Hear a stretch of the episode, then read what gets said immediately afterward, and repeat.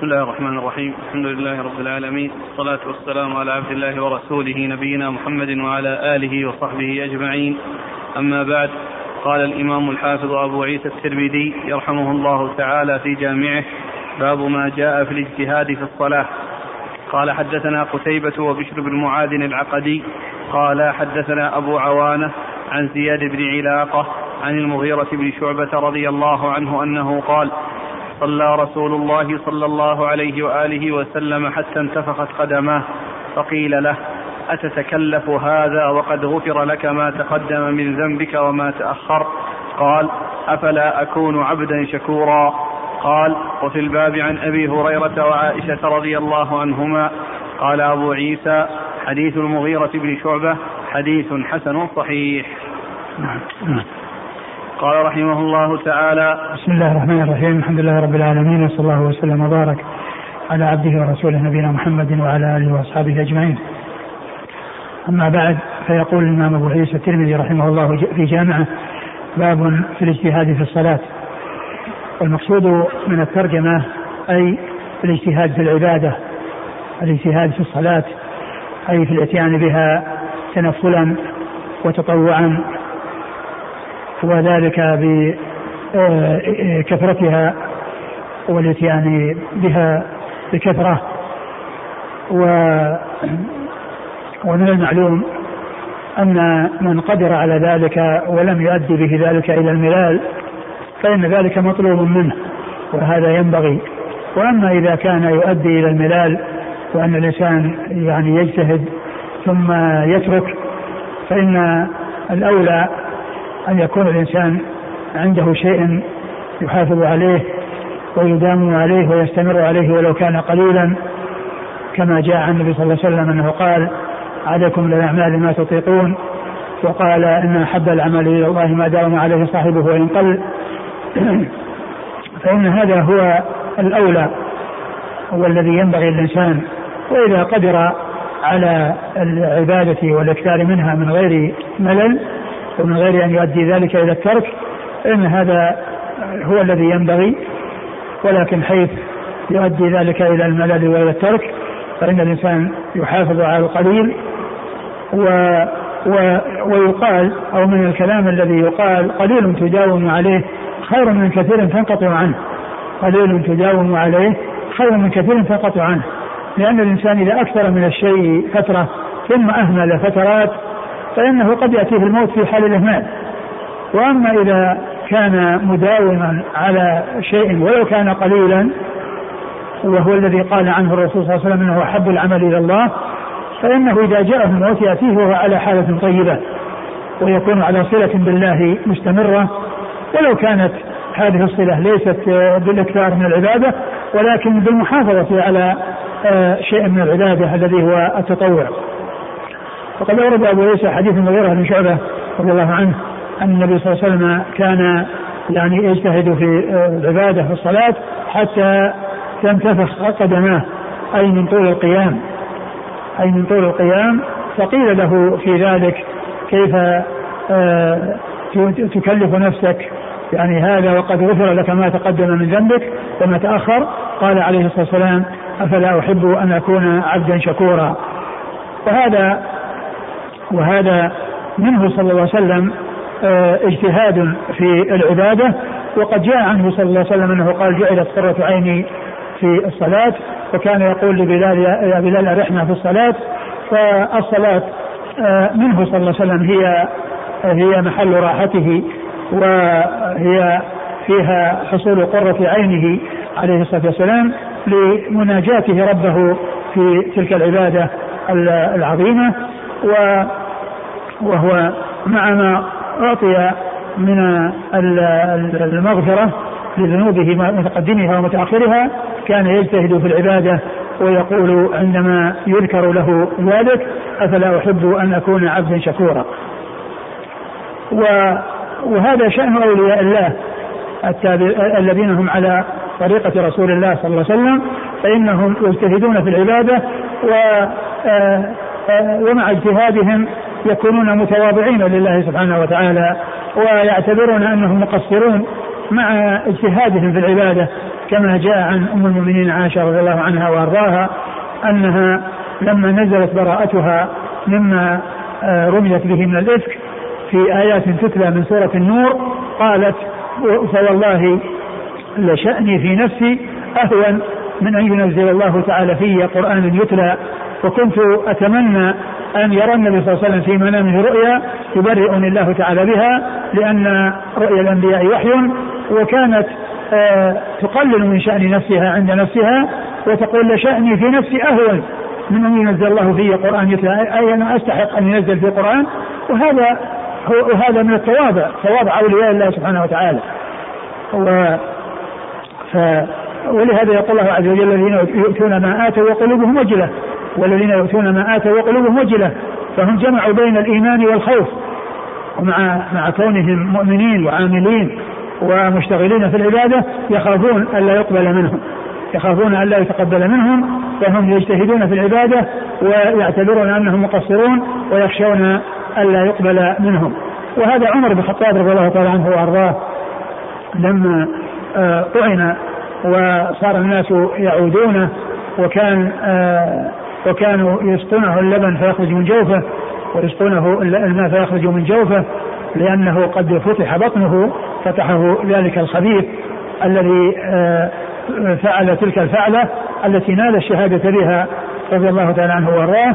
فكانوا فكان جاءه من جاءه شاب أثنى عليه ثناء عظيما وقال هنيئا يا أمير المؤمنين. صحبت رسول الله صلى الله عليه وسلم فأحسنت صحبته وصحبت أبا بكر ثم وليت فعدلت فقال وددت أن يكون ذلك كفاما لا علي ولا لي. فكان الواحد منهم مع اجتهاده في العبادة ومن إحسانه في العمل لله عز وجل يعتبر نفسه مقصرا و آه وهذا شأن أولياء الله سبحانه وتعالى. يجتهدون في العبادة ويعتبرون أنهم أنفسهم مقصرين و آه وقدوتهم في ذلك رسول الله صلى الله عليه وسلم الذي كان يجتهد في العبادة ويكون ذلك شكرا لله سبحانه وتعالى على ما تفضل به عليه وما أولاه به من الرسالة ومن آه، كونه خاتم خاتم النبيين وكونه أفضل البشر عليه الصلاه والسلام يقابل ذلك بالشكر لله عز وجل وذلك في الاجتهاد في عبادة الله سبحانه وتعالى. نعم. قال حدثنا قتيبة. قتيبة هو من سعيد بن جميل بن طريف البغلاني ثقة أخرج له أصحاب كتب الستة. وبشر بن معاذ العقدي. وبشر بن معاذ العقدي وهو صدوق. نعم أخرجه الترمذي والنسائي وابن ماجه. أخرجه الترمذي والنسائي وابن ماجه. عن أبي عوانة. عن أبي عوانة هو الضاحي بن عبد الله اليشكري. وهو ثقة أخرج له أصحاب كتب الستة. عن زياد بن علاقة. عن زياد بن علاقة وهو ثقة أخرجه أصحاب الكتب. ثقة أخرجه أصحاب الكتب الستة. عن المغيرة. عن المغيرة بن شعبة رضي الله تعالى عنه وحديثه أخرجه أصحاب الكتب الستة. قال وفي الباب عن أبي هريرة. أبو هريرة عبد الرحمن بن صخر الدوسي أكثر الصحابة حديثا. وعائشة. وعائشة المؤمنين رضي الله عنها وهي أحد آه، سبعة أشخاص عرفوا بكثرة الحديث عن النبي صلى الله عليه وسلم. قال أبو عيسى حديث المغيرة بن شعبة حديث حسن صحيح. يقول السائل هل على النبي صلى الله عليه وآله وسلم ذنوب قبل أن يغفر له؟ آه آه معلوم أن الرسول صلى الله عليه وسلم عصمه الله يعني من الكبائر. وأما يعني الصغائر فهي محل خلاف بين أهل العلم. يعني ويقع منه أشياء يعاتب عليها ولا يقر عليها. وقد جاء في القرآن شيء من ذلك فيكون يعني هذا هو الذي يراد بما يغفر له. قال رحمه الله تعالى باب ما جاء أن أول ما يحاسب به العبد يوم القيامة الصلاة. قال حدثنا علي بن نصر بن علي الجهضمي. قال حدثنا هو علي بن نصر علي بن نصر بن علي؟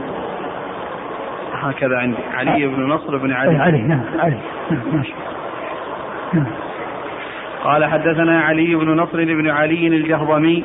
قال حدثنا سهل بن حماد. قال حدثنا همام. قال حدثنا قتادة عن الحسن عن حريث بن قبيصة. قال قدمت المدينة فقلت اللهم يسر لي جليسا صالحا. قال فجلست إلى أبي هريرة رضي الله عنه. فقلت إني سألت الله أن يرزقني جليسا صالحا. فحدثني بحديث سمعته من رسول الله صلى الله عليه وآله وسلم لعل الله أن ينفعني به. فقال سمعت رسول الله صلى الله عليه وآله وسلم يقول إن أول ما يحاسب به العبد يوم القيامة من عمله صلاته فإن صلحت فقد أفلح وأنجح وإن فسدت فقد خاب وخسر.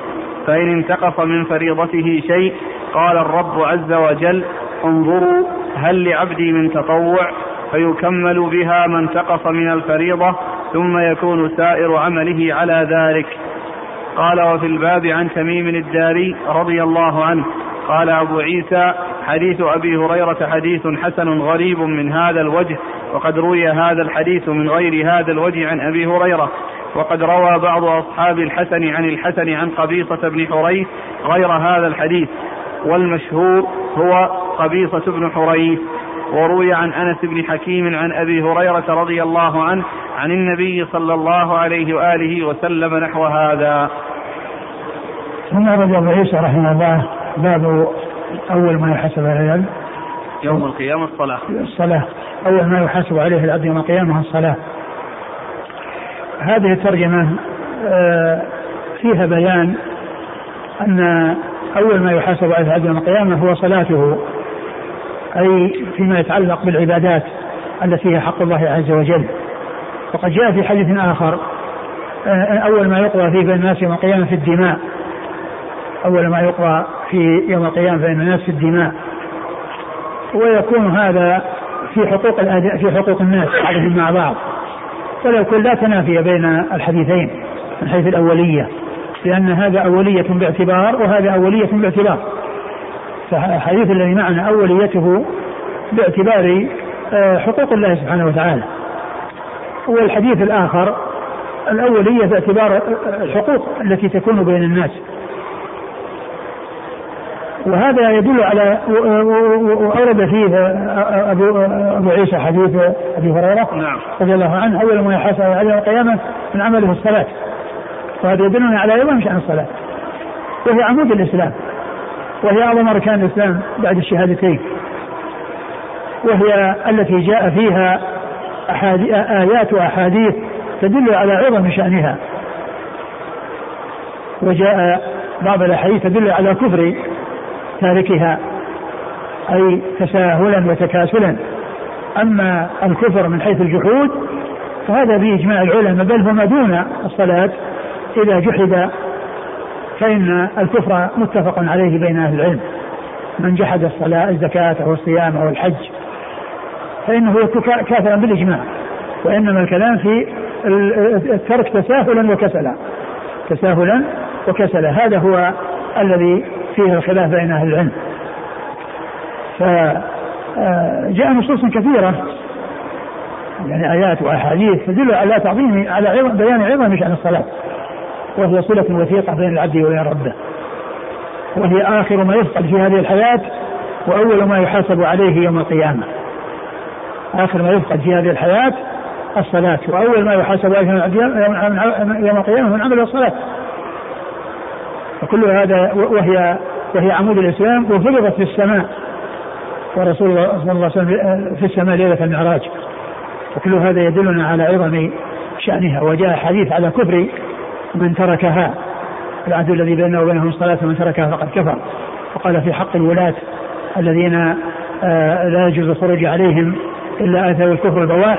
وقد جاء في بعض الأحاديث لا ما صلوا. فدل على أن هذا من الكفر البواح الذي يجوز الخروج على من حصل منه لكفره الحاصل أن الصلاة أمرها عظيم ولهذا كانت أول ما يحاسب عليه العبد يوم القيامة وذلك بالحقوق التي بينه وبين ربه سبحانه وتعالى. فهي قبل الزكاة وقبل الصيام وقبل الحج يحاسب عليها أول ما يحاسب. فإن آه فإن صلحت ونجح في المحاسبة فإنه فاز وأنجح وإلا فإنه فإلا وإلا فقد خاب وخسر. وإلا فقد خاب وخسر. وفيه أيضا أن آه، أنه آه، يكمل به ما حصل من نقص في الفرض. أي التطوع يكمل ما حصل به من نقص في الفرض. وذلك إما بعدم الإتيان به على التمام والكمال بترك يعني شيء من من مستحبات واجباته. وأما الأركان فإنه لا بد من الإتيان بها ولا تصح الصلاة إلا بالإتيان بالأركان. وأما الواجبات التي تجبر بسجود السهو والتي يحصل إخلال من العبد بها فإن التطوع يكملها ويكون تعويضا عن ذلك النقص الذي حصل في صلاته. وكذلك الأعمال على هذا المنوال يحاسب عليها وإذا كان النقص يكمل من من التطوعات سواء كان آه، زكاة أو صياما أو حجا كما يقال في الصلاة. لكن الصلاة هي أول شيء ويكمل الفرض بالتطوع وكذلك أيضا يكون الحكم والحال فيما يتعلق بالزكاة والصيام والحج. وهذا فيه حث على التطوع وعلى الأعمال الصالحة لأن فيها هذه الفائدة العظيمة وهي أنها يكمل بها الفرض. وأيضا هي كالوقاية التطوعات هي كالوقاية في الفرائض وهي كالسياج. والذي يحافظ على النوافل يحافظ على الفرائض. من حافظ على النوافل فهو محافظ على الفرائض من باب أولى. محافظ على الفرائض من باب أولى. وقد وقد يحصل آه، اجتهاد في الفرائض في النوافل مع التقصير في الفرائض. كما قال بعض أهل العلم من شغله الفرض عن النفل وهو معذور ومن اشتغل بالنفل عن الفرض فهو مغرور ومن اشتغل بالنفل أو شغله النفل عن الفرض فهو مغرور. يعني مثل الإنسان الذي يبيت أو يسهر يعني يذاكر في العلم ثم ينام عن صلاة الفجر. فإنه اشتغل يعني بما هو مستحب أو فرض كفاية عما هو واجب عليه وعما هو لازم له الذي هو الإتيان بالجماعة. الحاصل أن النوافل هي كالسياج وكالوقاية للفرائض وهي أيضا كما في الحديث تكمل بها الصلوات المفروضة إذا حصل فيها نقص. نعم. قال حدثنا علي بن نصر بن علي الجهضمي. علي بن نصر بن علي الجهضمي ثقة أخرجه مسلم وأبو داود. نعم. والترمذي. والنسائي. والنسائي. وهذا يعني أبو نصر بن علي الذي يأتي من شيوخ الترمذي يعني يأتي وهو من شيوخ أصحاب الكتب الستة نصر بن علي ابن نصر بن علي ابن نصر بن علي ثلاث مرات. يعني هكذا يعني آه، اسمان يتكرران ثلاث مرات. نصر بن علي ابن نصر بن علي ابن نصر بن علي الجهرمي وهنا الرواية عن الأب الذي هو علي بن نصر. وتأتي الرواية عن نصر بن علي الذي هو ابن هذا. وقد آه، مات يعني في سنوات متقاربة. ولهذا الترمذي يروي عن الابن وعن الأب. يروي عن الابن وعن الأب وكثيرا ما يأتي نصر بن علي الذي هو الابن. وهنا وهنا الرواية عن الأب الذي هو علي بن نصر ابن علي بن نصر ابن علي. ف وهذا من من الأسماء التي آه، تتكرر. أو يعني آه، يكون فيها آه، تعدد بين الابن والأب بحيث أن يتكرر. ولهذا يحتاجون يعني يقولون حفيد حفيد الذي قبله أو جد الذي بعده أو الذي كذا. يعني يحتاجون ان يعبروا بمثل هذه العبارات بأن يقولوا حفيد. بسبب آه، هذا التداخل في الأسماء والتوافق فيها. فيميزون ويقولون الحفيد مثل ما قالوا عن ابن رشد صاحب البداية والنهاية محمد محمد بن أحمد ابن محمد بن أحمد. آه ويميزون بينهما فيقولون برشد الجد وبرشد الحفيد. أو برشد الجد وبرشد الحفيد هذا هو التمييز بينهم. لأن كل واحد منهم يعني اسمه واسم أبيه مطابق للجد واسم أبيه. وكان كل واحد منهما قرطبي وكل واحد منهما قاضي وقال له القاضي. فلم يميزوا بينهم إلا أن يقولوا ابن رشد الجد وابن رشد الحفيد ابن رشد الجد وابن رشد الحفيد وقد أدرك الحفيد أقل من شهر من حياة الجد. لأن الجد مات والحفيد عمره أقل من شهر. نعم. عن سهل بن حماد. عن سهل بن حماد هو صدوق خرج مسلم وأصحاب السنن صدوق خرج مسلم وأصحاب السنن عن همام عن همام بن يحيى العوذي وهو ثقة أخرجه أصحابه في الستة. عن قتادة عن قتادة بن عمرو السدوسي البصري ثقة أخرجه أصحابه في الستة. عن الحسن عن الحسن بن أبي الحسن ثقة أخرجه أصحابه في الستة. عن حريث بن قبيصة عن حريث بن قبيصة وهو صدوق أخرجه أصحاب السنة. صدوق أخرجه أصحاب السنة. قال قدمت المدينة فقلت اللهم يسر لي جليسا صالحا. قال فجلست إلى أبي هريرة. قال قدمت المدينة. قدمت المدينة. والمدينة هكذا تذكر مجردة عن الوصف لأنها علم على هذه المدينة المباركة. علم عليها إذا ذكرت مجردة غير موصوفة أو مضافة فإنها مدينة الرسول صلى الله عليه وسلم. وأل فيها للغلبة لأنه غلب عليها. غلب عليها هذا الإطلاق.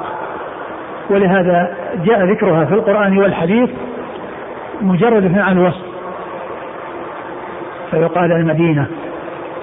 وبعض العلماء في أزمان متأخرة مثل حافظ بن حجر في فتح الباري وكذلك ابن كثير في تفسيره وفي تاريخه يصفونها بالنبوية.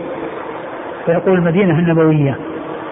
وفي أزمان متأخرة جاء وصفها بالمنورة. وهذا ليس معروفا يعني في القديم وإنما جاء في أزمان متأخرة. لا أدري بالتحديد متى كانت بدايته لكنه في أزمان متأخرة. وهي آه، آه، تأتي عند العلماء المتقدمين إما مطلقة دون مقيدة ودون موصوفة أو مضافة وكذلك أيضا يأتي مضافة. يمكن يقال مدينة الرسول صلى الله عليه وسلم مدينة الرسول. وإذا أضيفت آه، آه، آه، الأمر واضح. لكن إذا قيل المدينة بالألف واللام فإنه ينصرف إلى مدينة الرسول صلى الله عليه وسلم. قال قدمت المدينة فقلت اللهم يسر لي جليسا صالحا. وهذا يدلنا على حرص السلف رحمة الله عليهم على الجلساء الصالحين لأن الجليس الصالح هو من أكبر العون على من يجالسه على الخير وعلى التقى والاستقامة. وعلى عكس من ذلك جليس السوء أكبر خطر أو من أكبر الخطر على من يجالسه لأنه يعديه ويرديه. وأما الجليس الصالح فإنه يستفيد منه من يجالسه ولهذا جاء في الحديث المتفق على صحته عن أبي موسى الأشعري رضي الله عنه ضرب المثل في الجليس الصالح والجليس السوء قال مثل الجليس الصالح كحامل المسك كحامل المسك إما أن تشتري منه وإما أن تنال منه ريحا طيبة على الأقل. إذا ما حصل إنك تشتري أو إنه يحذيك يعطيك شيء فإنك على الأقل ستشم رائحة طيبة. وأما الجليس السوء مثل نافخ الكير. نافخ الكير. إما أن يطير عليه شرر فيحرق ثيابه ويشدها عليه أو يعني يطير عليه غبار فيوسخها أو على الأقل الاحوال يشم رائحة يعني كريهة رائحة خبيثة. فكان شأن الجلساء الصالحين عظيما ولهذا يحرصون يحرص من وفقه الله عز وجل على ان يصحب الأخيار وأن يجتنب صحبة الأشرار لأن الأخيار يساعدونه على البر والتقوى والأشرار يردونه ويتعاونون معه على الإثم والعدوان ويوقعونه في المهالك. ف فيسر الله له أنه التقى بابي هريرة رضي الله عنه. ومعلوم أن أبا هريرة كان في المدينة. وكانت المدينة يقصدها الناس للإتيان إلى هذا المسجد. وهذا من أسباب كثرة حديث ابي هريرة رضي الله عنه كما ذكر ذلك العلماء. وهو ليس أكثر الناس يعني كثير الصحبه للرسول صلى الله عليه وسلم. هو ما أسلم إلا عام عام خيبر في السنة السابعة. وصحب النبي صلى الله عليه وسلم هذه المدة الوجيزه ولكن حصلت له آه، الكثرة في الحديث لأمور متعددة. منها دعاء الرسول صلى الله عليه وسلم بالحفظ. ومنها ملازمته للنبي صلى الله عليه وسلم. فكان يذهب معه إذا ذهب ويجيء معه إذا جاء ويأكل معه إذا أكل فكان مرافقا له ومصاحبا له. يذهب معه حيث ذهب وكان فقيرا وليس عنده مال وليس عنده ما يأكل فكان يأكل مما يأكل منه الرسول صلى الله عليه وسلم. فصار هذا من أسباب كثرة الحديثة رضي الله تعالى عنه وأرضاه. ومن ذلك أيضا نكثر في المدينة. نكثر في المدينة والمدينة يعني يؤمها الناس ويقصدونها ويترددون عليها. ومن المعلوم ان أن من يفد إلى المدينة ويعلم أن فيها أحد من أصحاب الرسول صلى الله عليه وسلم فإنه يحرص على أن يلتقي بهذا بهذا الصاحب كالرسول صلى الله عليه وسلم. لأن التابعين هم الذين راوا الصحابه وهم يحرصون على أن يروا من رأى النبي صلى الله عليه وسلم. لأن الصحابة أكرمهم الله بصحبة الرسول صلى الله عليه وسلم ورأت ورأوا الرسول صلى الله عليه وسلم بأبصارهم في هذه الحياة الدنيا يقظة لا مناما وهذا مما اختصوا به رضي الله تعالى عنهم وأرضاهم. وأما التابعون فهم لم يروا الرسول صلى الله عليه وسلم ولكنهم رأوا العيون التي رأت النبي صلى الله عليه وسلم. لم يروا النبي عليه الصلاة والسلام ولكنهم رأوا الأعين التي رأت النبي عليه الصلاة والسلام. فصاروا يلونهم في الفضل. كما قال عليه الصلاة والسلام خير الناس قرني ثم الذين يلونهم ثم الذين يلونهم. يعني آه ثلاث مرات. قرن الصحابة وقرن التابعين وقرن أتباع التابعين. ولهذا جاء أن أن رجلا قدم إلى مر من في سنن أبي داود يعني آه، آه، أثر أو حديث في في أوله أثر أنه قدم بلدا فقال له أحد الناس هل لك أن تأتي إلى صاحب رسول الله صلى الله عليه وسلم؟ فقلت غنيمة. يقول هذا الذي عرض عليه أن يلقى أحد من أصحاب النبي صلى الله عليه وسلم قال غنيمة. يعني رؤية رؤية واحد من أصحاب الرسول غنيمة. لأن كونه يرى واحد من أصحاب الرسول يكون يكون بذلك تابعا لأن التابع هو الذي رأى الصحابة. فمن رأى صحابيا صار تابعيا. ومن لم يرى احدا من الصحابة لا يقال له تابع.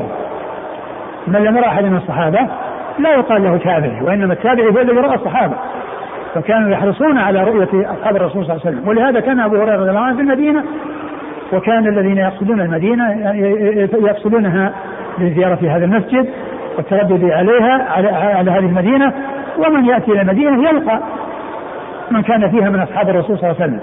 فمكثه في المدينة وبقاؤه في المدينة وملازمته للمدينة جعل حديثه يكثر. انه يعطي ما عنده ويأخذ ما عند غيره. يأخذ يعطي ما عنده ويأخذ ما عند غيره فكثر حديثه لهذه الأمور. دعاء الرسول صلى الله عليه وسلم له بالحفظ وكونه ملازم للنبي صلى الله عليه وسلم وكونه مقيما في المدينة يعني مستمرا فيها وكل من يأتي إليها يلتقي به فهذا من أسباب آه، كثرة حديثه ومن المعلوم أن من يحضر مجالس الرسول صلى الله عليه وسلم هو الذي يحصل الحديث. والصحابة رضي الله عنهم وأرضاهم كانوا يوفقون بين مصالحهم الدنيوية وحضورهم مجلس الرسول صلى الله عليه وسلم. وقد جاء عن عمر رضي الله عنه أنه كان له آه، جار في بستان في العوالي وكان كل واحد منهم ينزل يوم والباقي يبقى والثاني يبقى. وإذا نزل أحدهم ذهب إلى الرسول صلى الله عليه وسلم وجلس عنده وأخذ ما عنده ثم أخبر من لم يحضر. وفي الغد من من لم يحضر عند النبي صلى الله عليه وسلم يأتي إليه ويحضر عنده ويخبر الثاني. وجاء نقله ابن عمرو الجهني أنه قال كنا نتناوب رعاية الإبل. كنا نتناوب رعاية الإبل. يعني آه، يكون جماعة من الصحابة كل واحد له قطعة من الإبل. هذا عنده خمس وهذا عنده ست وهذا ثلاث وهذا أربع. وبدأ من كل كل واحد يسرح بإبله يجمعونها ثم يتناوبون على رعايتها. والذي له النوبة يذهب والذي ليست له النوبة الذين ليست لهم النوبة يحضرون مجلس الرسول صلى الله عليه وسلم ويتلقون منه الحديث. ولهذا أبو هريرة رضي الله عنه لما كان ملازما مجالسه ويذهب معه إذا ذهب ويأكل معه إذا أكل كثر حديثه. كثر حديثه. هذا ولهذا قال من قدمت المدينة وقلت اللهم يسر لي جليسا صالحا.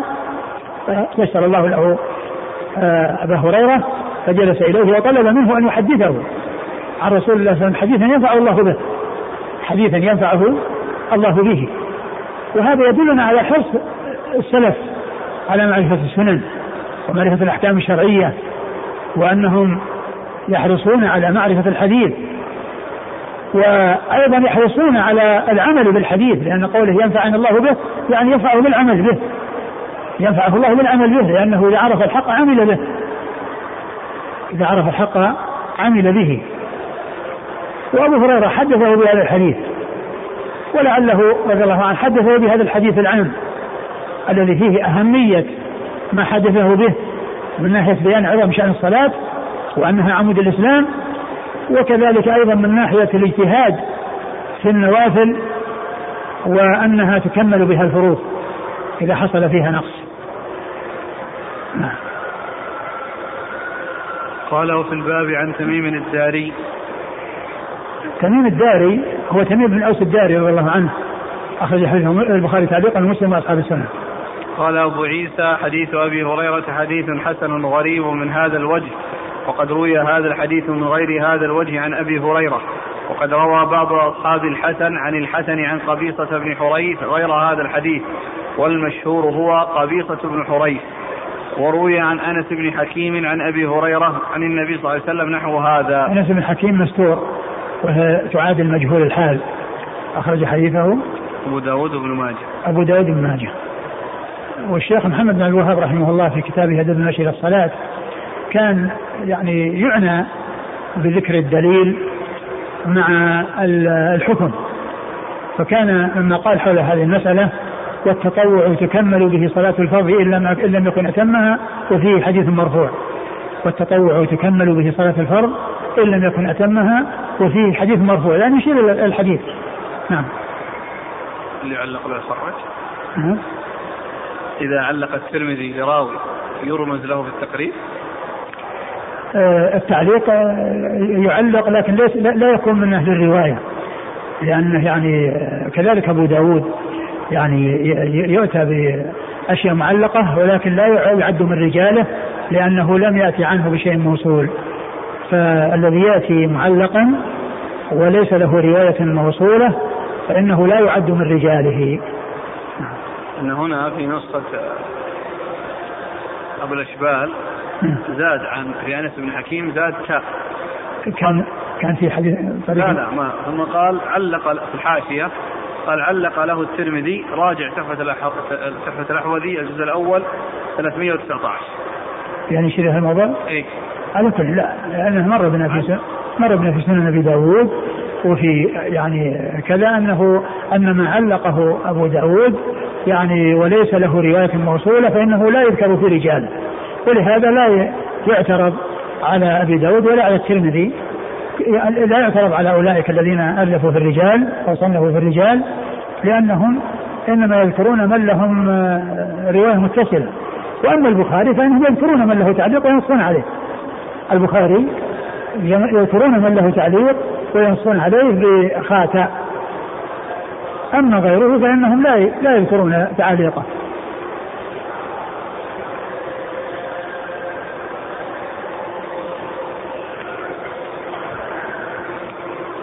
يقول هنا في الحديث إن أول ما يحاسب به العبد يقول السائل هل هذا يكون للمسلمين أو بالناس أجمعين؟ معلوم أن الكفار ليس عندهم أعمال يعني آآ آه، آآ آه، تفيدهم لأن أي عمل يعملونه فإنه هباء منثور كما قال الله عز وجل وقدمنا إلى ما عملوا من عمل فجعلناه هباء منثورا. فهو ليس أمامهم إلا النار. وحسناتهم التي تحصل منهم في الدنيا يعجل لهم ذلك في الدنيا. يعجل لهم ذلك في الدنيا. ولهذا جاء النبي صلى الله عليه وسلم في الحديث الذي رواه مسلم في صحيحه الدنيا سجن المؤمن وجنة الكافر. الدنيا سجن المؤمن وجنة الكافر. لأن الكافر ما عنده من اللذة إلا في الحياة الدنيا. وبعد الموت وإلى إلى غير نهاية ما عنده إلا العذاب والعياذ بالله. فمتعه ولذته عجلت له في هذه الحياة الدنيا. عجلت لهم الطيبات طيباتهم في هذه الحياة الدنيا وليس عندهم في الآخرة إلا النار والعياذ بالله. ولهذا الذي يحاسب هو المسلم الذي آه، يأتي بالفرض ويأتي بالنفل ويكمل الفرض الفرض بالنفل أو من النفل.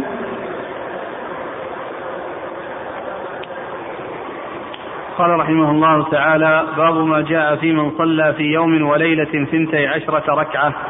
من السنة وما ثنتي عشرة ركعة من السنة وما له فيه من الفضل. قال حدثنا محمد بن رافع النيسابوري قال حدثنا إسحاق بن سليمان الرازي قال حدثنا المغيرة بن زياد عن عطاء عن عائشة رضي الله عنها أنها قالت قال رسول الله صلى الله عليه وآله وسلم من ثابر على ثنتي عشرة ركعة من السنة بنى الله له بيتا في الجنة. أربع ركعات قبل الظهر وركعتين بعدها وركعتين بعد المغرب وركعتين بعد العشاء وركعتين قبل الفجر. قال وفي الباب عن أم حبيبة وأبي هريرة وأبي موسى وابن عمر رضي الله عنهم. قال أبو عيسى حديث عائشة حديث غريب من هذا الوجه. ومغيرة بن زياد قد تكلم فيه بعض أهل العلم من قبل حفظه. ثم ورد أبو عيسى هذه الترجمة. وهي باب آه، محافظة في من صلى في يوم وليلة ثنتي عشرة ركعة من السنة وما له فيه من الفضل. باب ما جاء في من صلى في يوم وليلة ثنتي عشرة ركعة من السنة. كلمة من السنة هذه بيان لما؟ في قوله ما جاء ما جاء من السنة. بيان باب ما جاء في آه، صلاة أو الاتيان باثنتي عشر ركعة من السنة. وما فيه من الأجر.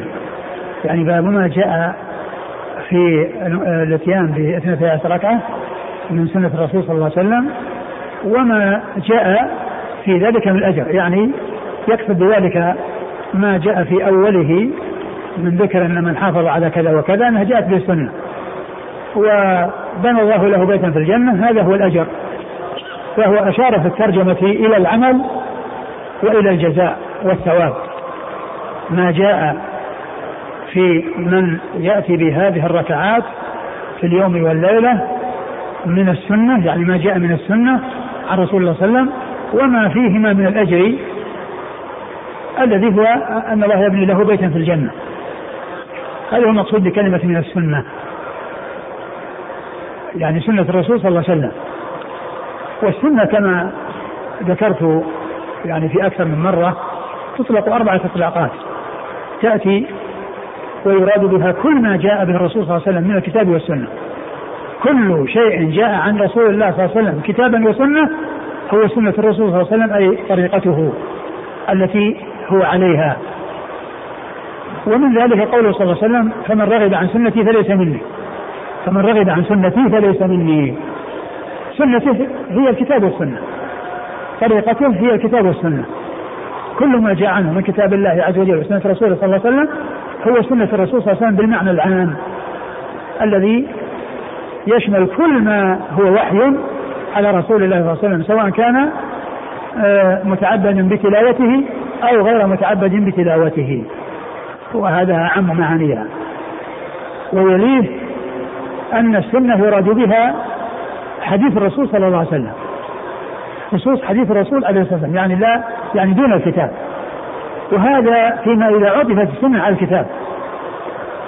كما قال جاء في حديث ذلكم فيكم ما إن تمسكم كتاب الله وسنتي أو كتاب الله وسنة رسوله صلى الله عليه وسلم. فإن السنة عطفت على الكتاب فإذا يراد بها خصوص الحديث. ومن ذلك قول بعض أهل العلم وهذه عندما يذكرون المسألة ويجمعون الأدلة في اول أول الكلام يقولون هذه المسألة دل عليها الكتاب والسنة والإجماع والمعقول. أما الكتاب فكذا وأما السنة فكذا.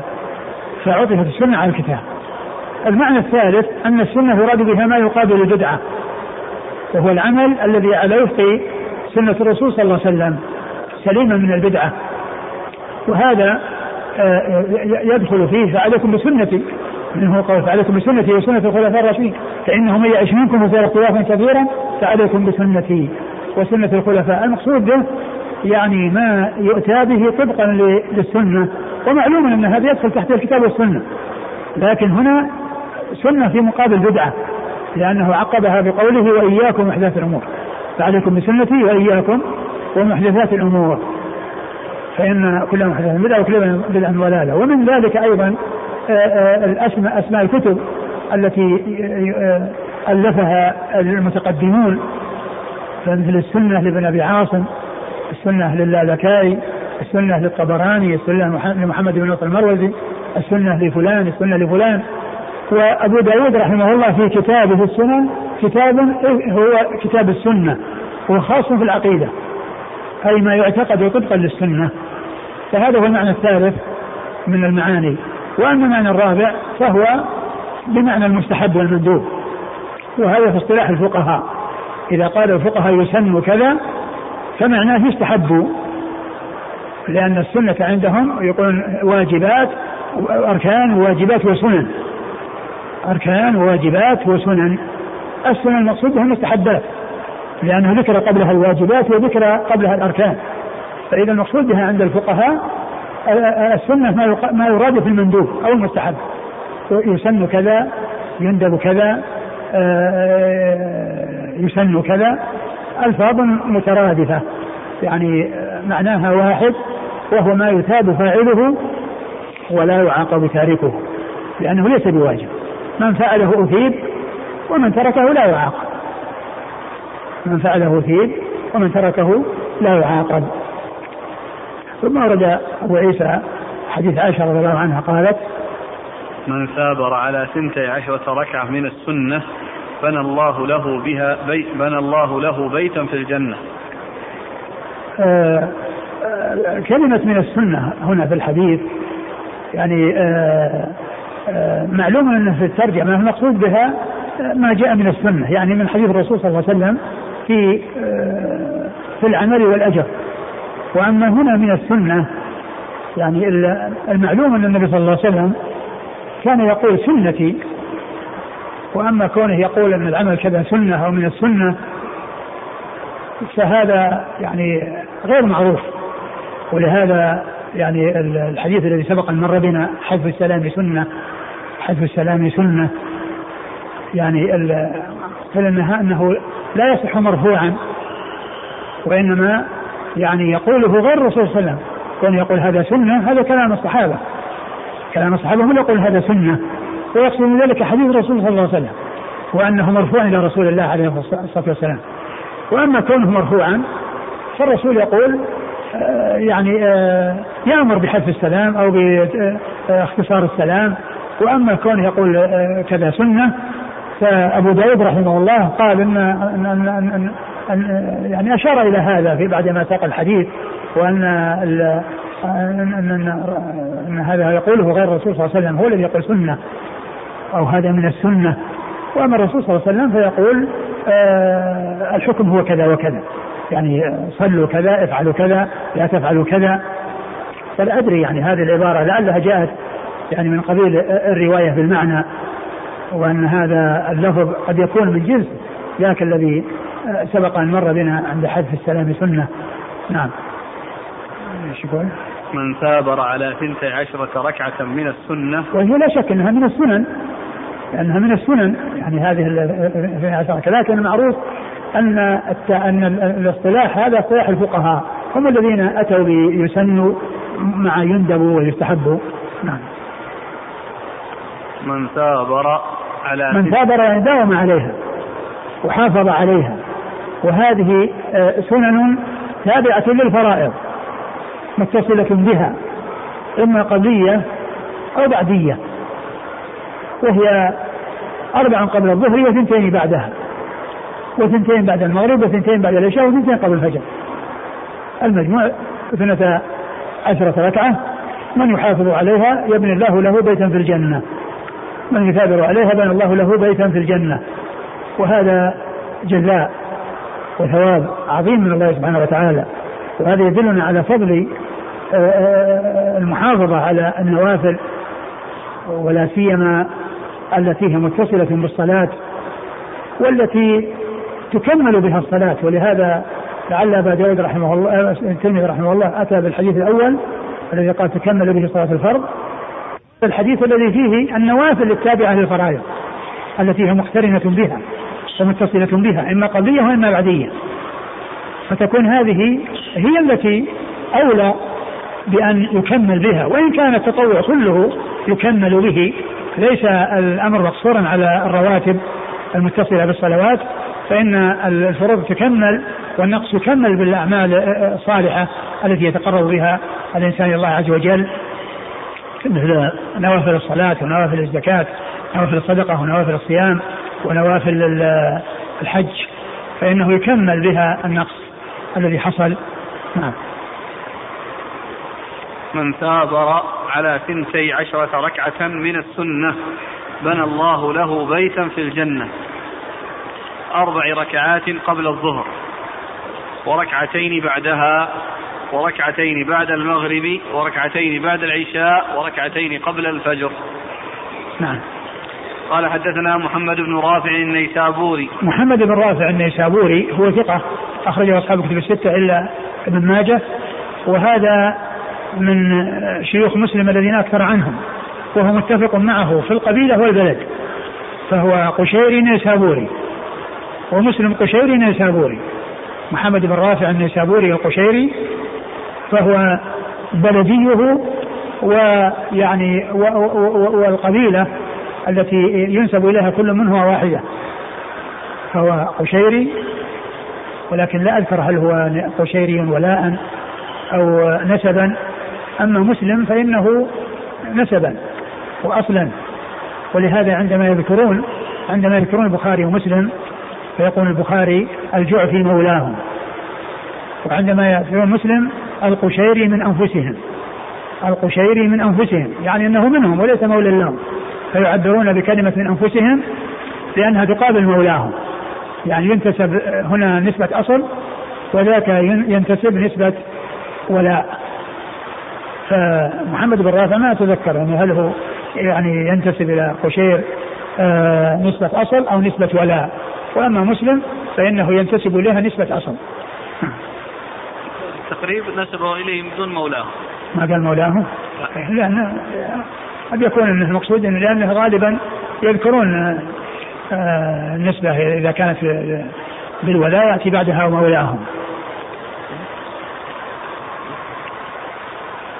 وهو من أكثر عنهم مسلم وهو الذي يروي من طريقة آه، عن صحيفة همام منبه لأن مسلم رحمه الله آه، الأحاديث التي أوردها من صحيفة همام هي من طريق شيخ محمد بن رافع هذا. محمد بن رافع عن عن عن, عن عبد الرزاق. والترمذي محمود بن غيلان عن عبد الرزاق. محمود بن غيلان عن عبد الرزاق. نعم. عن إسحاق بن سليمان الرازي. إسحاق بن سليمان الرازي ثقة أخرجه أصحاب الكتب الستة. عن المغيرة بن زياد. المغيرة بن زياد هو صدوق له أوهام أخرجه أصحاب السنن. صدوق له أوهام أخرجه أصحاب السنن. عن عطاء. عن عائشة عن عطاء بن أبي رباح وهو ثقة أخرجه أصحاب الكتب الستة عن عائشة أم المؤمنين رضي الله عنها وأرضاها. قال وفي الباب عن أم حبيبة أم حبيبة هي رملة ابنة أبي سفيان رضي الله تعالى عنها أخرج حديث أصحاب الكتب الستة. وأبي هريرة وأبي موسى أبو هريرة مر ذكره وأبو موسى هو عبد الله بن قيس الأشعري أخرجه أصحاب الكتب الستة. وابن عمر وابن عمر عبد الله بن عمر رضي الله عنهما أحد العبادلة من الصحابة وأحد السبع المعروفين بكثرة حديث عن النبي صلى الله عليه وسلم. قال أبو عيسى حديث عائشة حديث غريب من هذا الوجه ومغيرة بن زياد قد تكلم فيه بعض أهل العلم من قبل حفظه نعم قال حدثنا محمود بن غيلان قال حدثنا مؤمل هو ابن إسماعيل قال حدثنا سفيان الثوري عن أبي إسحاق عن المسيب بن رافع عن عنبسة بن أبي سفيان عن أم حبيبة رضي الله عنها أنها قالت قال رسول الله صلى الله عليه وآله وسلم من صلى في يوم وليلة ثنتي عشرة ركعة بني له بيت في الجنة أربعا قبل الظهر وركعتين بعدها وركعتين بعد المغرب وركعتين بعد العشاء وركعتين قبل صلاة الفجر. قال أبو عيسى وحديث عنبسة عن أم حبيبة في هذا الباب حديث حسن صحيح وقد روي عن عنبسة من غيرها من غير وجه. ثم ورد أبو عيسى حديث أم حبيبة الذي أشار إليه فيما تقدم وهو مثل حديث عائشة في التنصيص على ثلاثة ركعة وأن جزاؤه أن يبنى له بيت الجنة وأن وتفصيل هذه الاثنتي عشر بأن يكون ست تابعة للظهر والباقي آه، مع المغرب والعشاء والفجر. نعم. قال حدثنا محمود بن غيلان. محمود بن غيلان الدمشقي ثقة أخرجه أصحاب الكتب الستة إلا أبا داود. عن مؤمل هو ابن إسماعيل. مؤمل بن إسماعيل هو صدوق. سيء الحفظ. صدوق صدوق سيء الحفظ. أخرج البخاري تعليقا وأبو داود في القدر والترمذي والنسائي وابن ماجه. البخاري تعليقا وأبو داود في القدر والترمذي والنسائي وابن ماجه وابن ماجه. عن سفيان الثوري. عن سفيان الثوري وسفيان بن سعيد بن الثوري ثقة فقيه أخرج له أصحاب في الستة. عن أبي إسحاق. عن أبي إسحاق عمرو بن عبد الله الهمداني السبيعي ثقة أخرج له أصحاب في الستة. عن المسيب بن الرافع. المسيب بن الرافع ثقة. أخرج له أصحاب كتب الستة. عن عنبسة بن أبي سفيان عن عنبسة بن أبي سفيان وقيل له رؤية وهو من ثقات وقيل هو من ثقات التابعين أخرج له مسلم وأصحاب السنن مسلم وأصحاب السنن. عن أم حبيبة وهي آه، أخته وحديثها أخرجه أصحاب كتب الستة. قال أبو عيسى وحديث عنبسة عن أم حبيبة في هذا الباب حديث حسن صحيح وقد روي عن عنبسة من غير وجه عدد من الأسئلة جاء هل هذا الفضل وهذا البيت يكون في كل يوم؟ أو من ثابر طول العمر له هذا البيت؟ الحديث ورد من ثابر في الحديث الأول؟ لا لكن القصد هل يبنى له بكل يوم؟ كل يوم يصلي 12 ركعة يبنى له بيت في الجنة. هو الحديث قال من ثابر. على 12 ركعة يعني داوم عليه. هو معنى بس يأتي لها بيوم وينتهي. لا أنا عارف الفضل هذا. إنسان مداوم عليها. فهل له في كل يوم بيت لأنه يثابر عليها.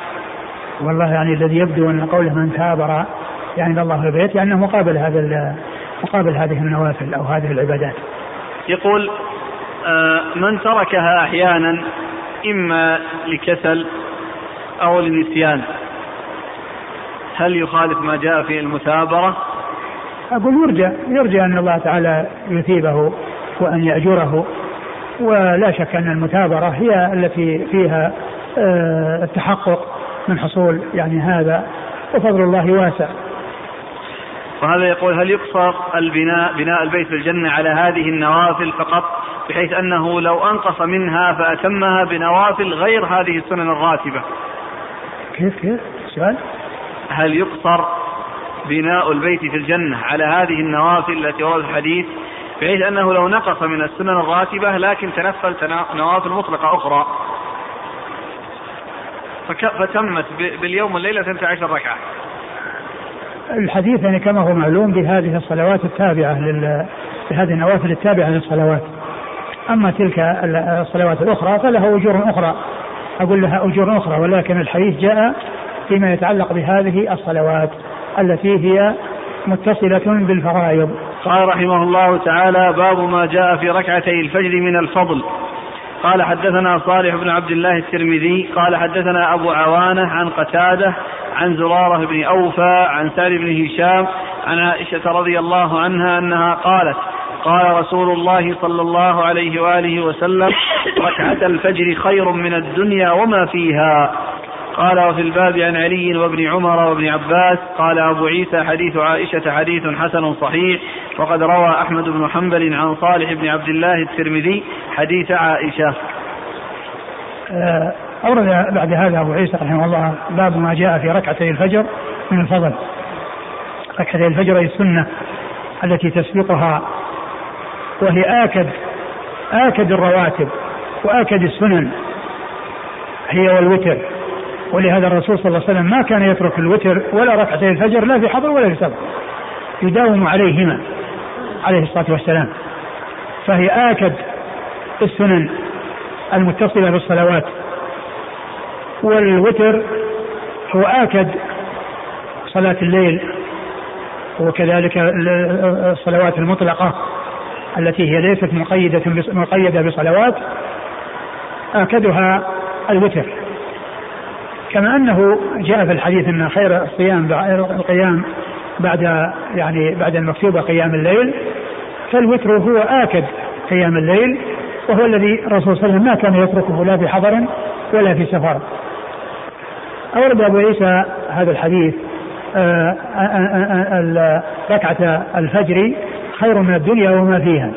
خير من الدنيا وما فيها.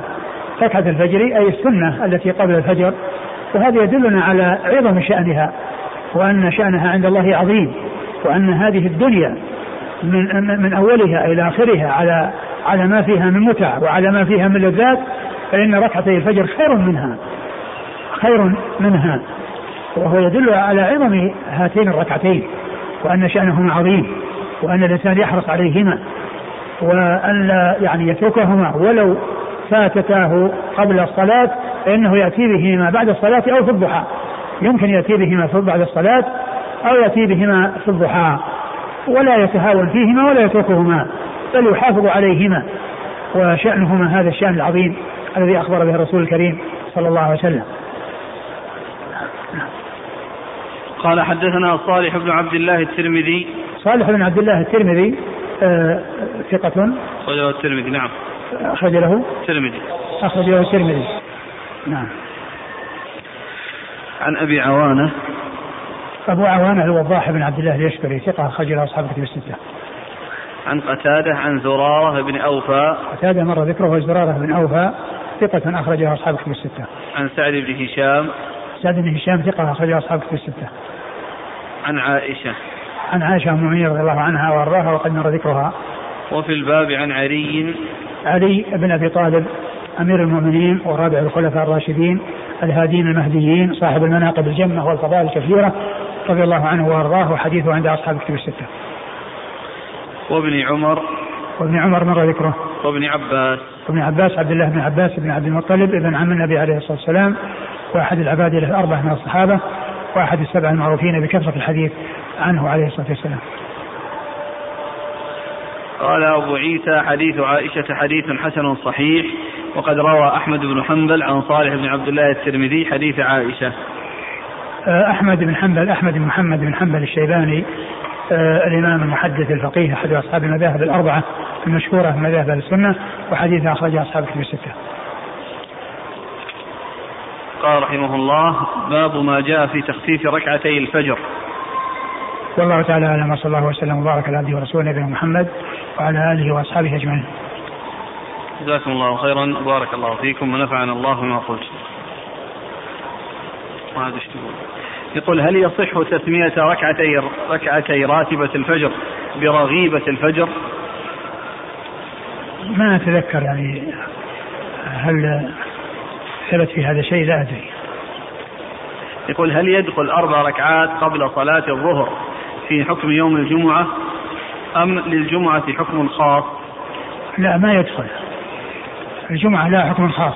ولم يأتي عن النبي صلى الله عليه وسلم آه، سنة قبلية فيها وإنما جاء عن الصحابة رضي الله عنهم وأرضاهم أنهم كانوا إذا دخلوا المسجد صلوا ما شاء الله أن يصلوا ثم جلسوا ولا يقومون إلا للصلاة. وجاء في الحديث يعني من ذكر وكذا وصلى ما كتب ما كتب له.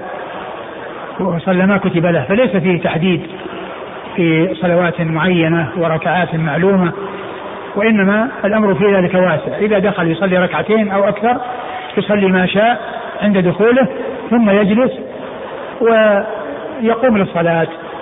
هكذا كان أصحاب رسول الله صلى الله عليه وسلم يفعلون.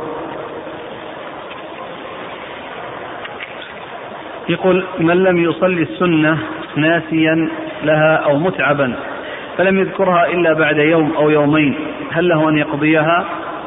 لا شك أن الحرص على قضائها والمحافظة على قضائها يجعل الإنسان يعني يحافظ عليها ويلازمها. لكن لا يقضيها في أوقات النهي. يقول هل يجوز أن أصلي ركعة الوتر بعد صلاة الصبح إذا غلبني النوم؟ الإنسان إذا طلع الفجر وهو لم يأتي بالوتر فإنه يأتي به في الضحى ويزيد ركعة. لأن النبي صلى الله عليه وسلم ثبت عنه أنه إذا لم يصلي صلاته من الليل وكانت مقدارها 11 ركعة صلى من الضحى 12 ركعة. صلى من الضحى 12 ركعة. يعني معناه أنه يأتي بالمقدار الذي كان يصلي بالليل ويضيف إليها ركعة. حتى لا يكون وترا في النهار. ولكن نفس المقدار موجود وزيادة ركعة يخرج بها عن الوتر. هكذا كان النبي صلى الله عليه وسلم يفعل. ثبت عنه في صحيح مسلم. يقول الكثير يا شيخنا يرغبون عن فعل السنن في هذا الزمان بحجة أنها سنة لا يأثم, لا يأثم تاركها. فهل في هذا الحديث دليل على أن فعل السنة خير من الدنيا وما فيها؟ لا شك. يعني هذه السنن آه، أجرها عظيم وثوابها جزيل والإنسان يحافظ على السنن من أجل أن يكمل بها ما حصل منه نقص في الفرض وأيضا تكون كالوقاية للفرائض والذي يحافظ عليها يكون محافظا على الفرائض من باب أولى ولا يتهاوى الإنسان بالسنن وإن كان الإنسان لا يعاقب على تركها ولكن آه عليه أن يشمر وأن يكون ممن يظفر بهذه بهذا الثواب وبالأجور العظيمة التي تكون على النوافل. وقد جاء في الحديث القدسي ما وما تقرب إلي عبدي بشيء أحب إلي مما افترضته عليه ولا يزال عبدي يتقرب إلي من النوافل حتى أحبه فإذا أحببته كنت سمعه الذي يسمع به وبصره الذي يبصر به. الحديث. يقول هل ورد حديث أن من صلى بعد الظهر اربعا تحرم عليه النار؟ ورد في حديث يعني حديث في في هذا نعم بعد بعد الظهر من صلى اربعا ولهذا لكن ما جاء ذكرها مع الرواتب التي حصرت في حديث عائشة وحديث ام سلمة أم حبيبة ولكن يعني كون الانسان يعني في بها لا شك أنه خير وفيه الثواب الذي ثبت عن رسول الله صلى الله عليه وسلم. هؤلاء إخوة من أندونيسيا يقولون حفظك الله ما قولكم في الاشتراك في تصويت الانتخابات؟ لأن هناك حزب نصراني سيشترك في انتخابات وإذا فاز فسيكون له أثر كبير وضرر على المسلمين والانتخابات سوف تكون بعد أسبوع.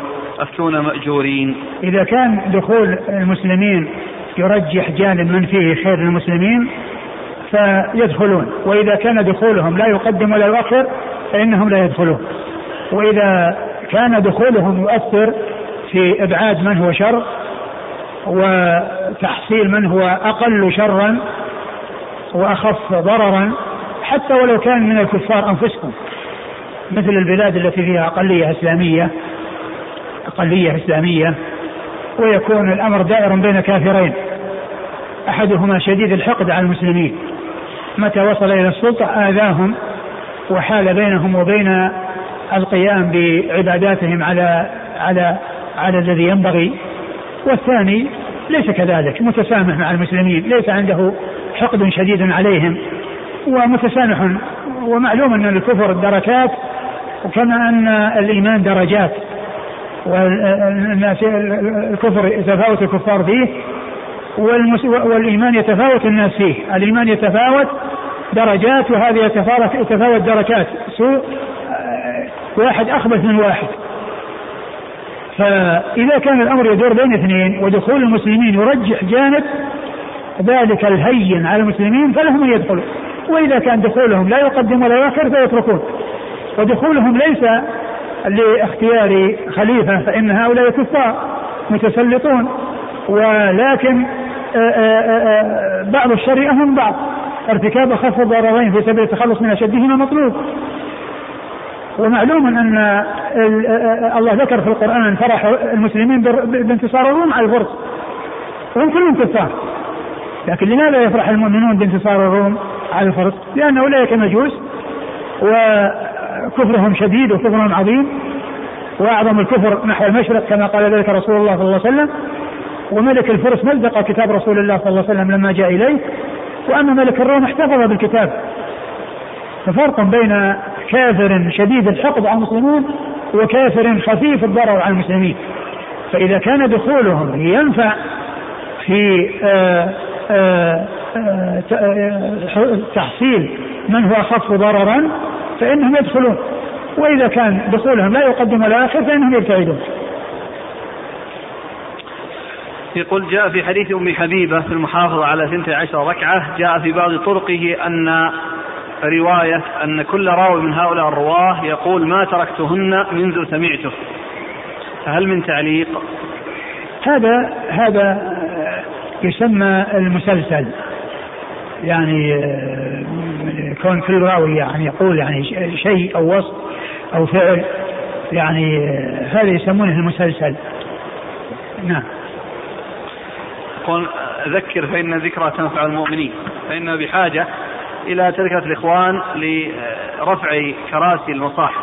كثير من الإخوان يتأذى من ذلك يود منكم نصيحة. نعم يعني الإنسان إذا أحضر كرسيا ليضع الكتاب عليه فإنه إذا قام يحمله معه ويضعه في مكانه ولا يلقيه في مكان يعسر على الناس ويعني يكون يبقى في مكان فيصير فيه إما خروج أصوات بسبب الوطي عليه أو بكونه يترك في مكان لا لا يناسب أن يبقى فيه وإنما يحمل ويضع في مكانه الذي أحضره منه فكما أخذه مكانه يرجع إلى مكانه أو إلى مكان آخر مو لازم يكون في المكان اللي أخذه منه بالضبط بل إلى الأماكن التي تحفظ بها تلك الكراسي المصاحف.